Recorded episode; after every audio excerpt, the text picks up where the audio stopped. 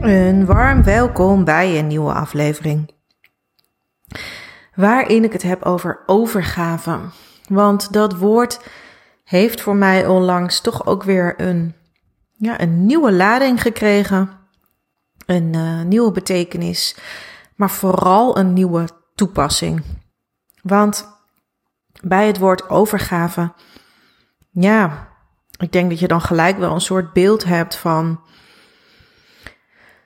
Dat je je handen opengooit en dat je je overgeeft aan alles wat er wil gebeuren. En misschien uh, denk je wel, ik geef me over aan, um, aan het universum. Ik geef me over aan dat wat er wil gebeuren.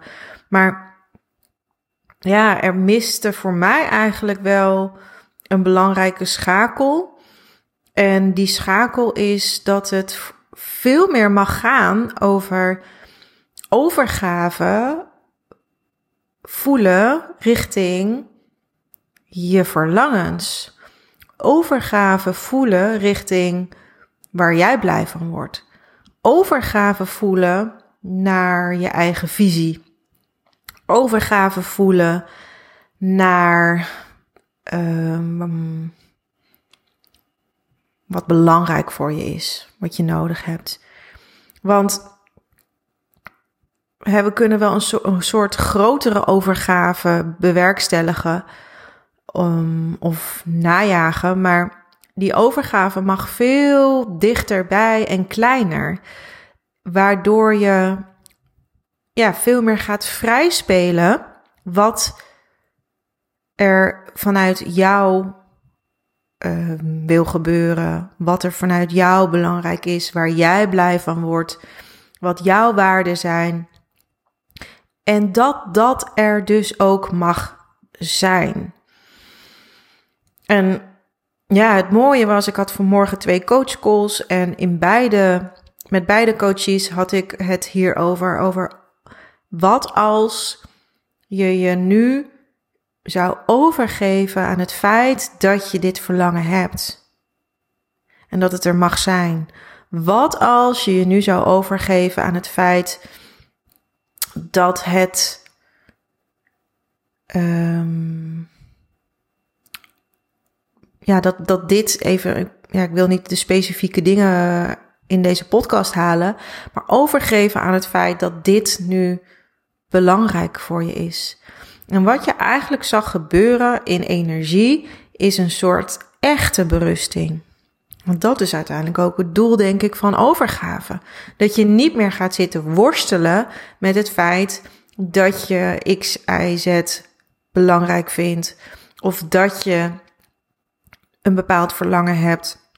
Want daar zit natuurlijk heel veel energieverlies. In het betwijfelen of je dat wel echt wil. Of dat je dat wel mag willen. Dus nou, ik hoop dat. Um, dat je voor jezelf nu ook iets concreets kan pakken waarbij je een soort verzachting voelt, een berusting voelt. Op het moment dat je nu zou besluiten dat je je daaraan overgeeft. Hè, voor geld geldt het precies hetzelfde. we, um, er is ook vaak een worsteling met, oh, ik wil ik heb hier volgens mij al een, een paar jaar geleden schreef ik hierover. En er was toen heel veel herkenning op dat we vaak bijvoorbeeld wel meer geld willen, maar ook zeggen: ik heb het niet nodig om gelukkig te zijn. Dat snap ik natuurlijk allemaal wel, maar wat gebeurt er nou in ons? Dan heb ik het nog niet eens even buiten ons. Maar wat gebeurt er in ons op het moment dat we ons overgeven aan het feit dat we iets nou eenmaal willen? Dat we iets nou eenmaal mooi vinden. Want dan worden we pas echt, ja, dan leven we eigenlijk pas echt meer in lijn met dat wat we, hè, want we weten wel wat we vaak willen, we weten wel waar we blij van worden, we weten wel dat um, liefde belangrijk is. We weten dat gezondheid belangrijk is. We weten dat relaties belangrijk zijn. We weten dat geld belangrijk is. En dat dat ook allemaal voor ons belangrijk is en mag zijn. Ja, zonder dat te hoeven betwisten of betwijfelen of er toch weer van weg te bewegen. Ja, dat is uiteindelijk waar overgave bij kan dienen. En overgave kan. Kijk, nu gaat het altijd over dingen meer willen misschien. Maar overgave gaat ook over wat op dit moment is wat jou inspireert. Ik eh, had met mijn hoofd eigenlijk ook niet zo heel veel zin in nog een opleiding erbij. Um, en toch schreef ik me in voor uh, die Harvard-cursus, Public Leadership. Um, ja, wat voor mij nou niet per se heel erg logisch voelde.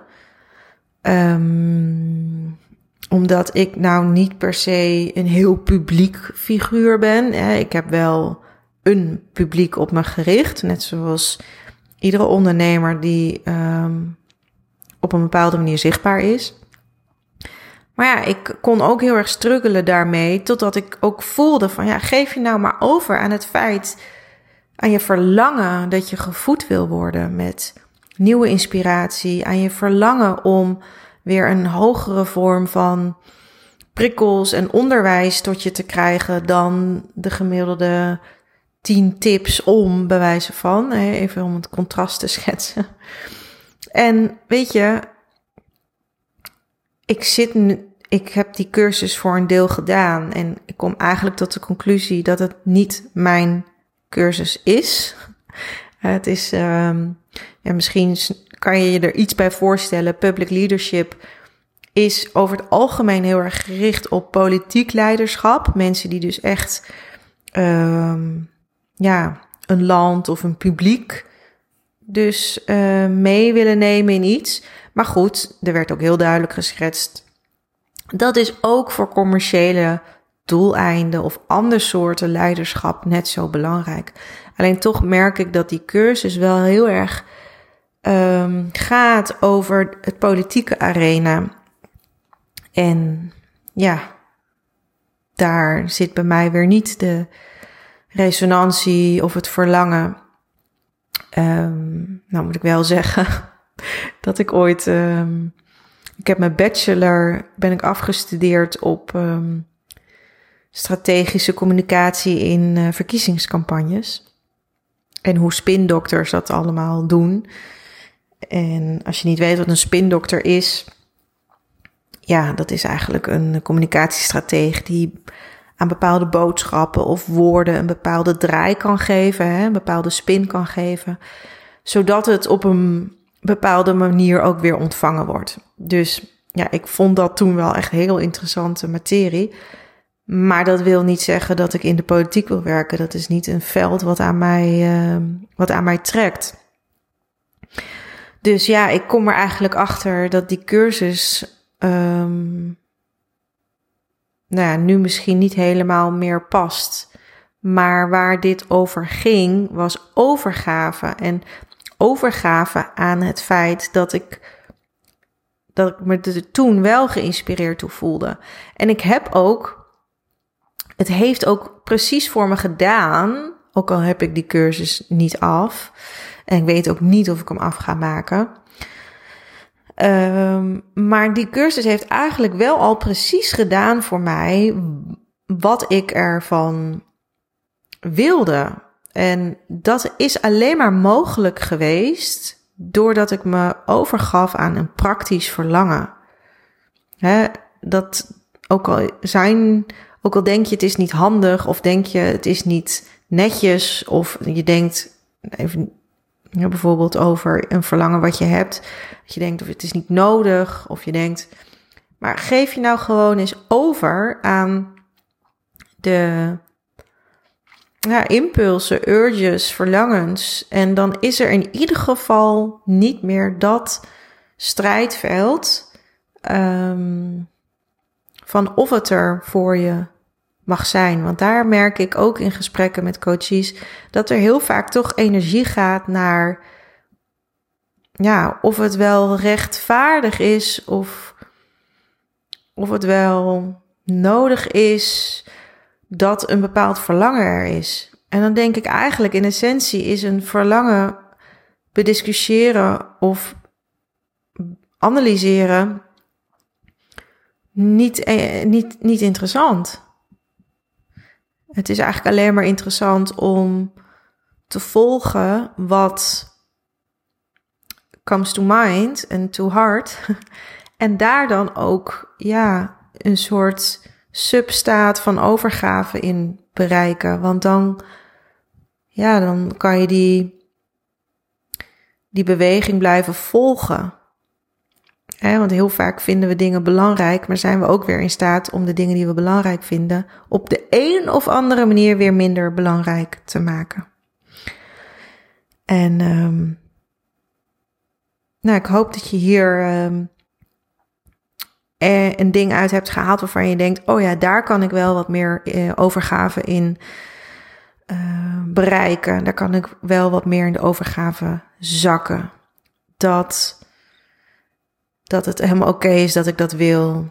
Ook al vindt iedereen in mijn familie het misschien anders. Of dat het oké is dat ik dat wil. Ook al heb ik daar misschien andere ideeën eerder over gehad.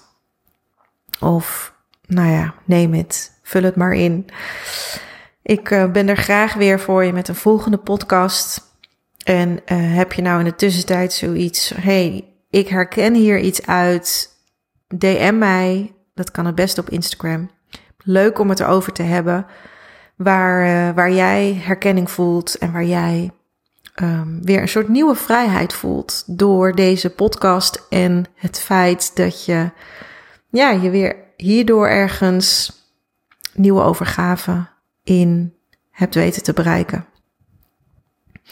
Alright, stay hard smart en tot de volgende keer. Bye.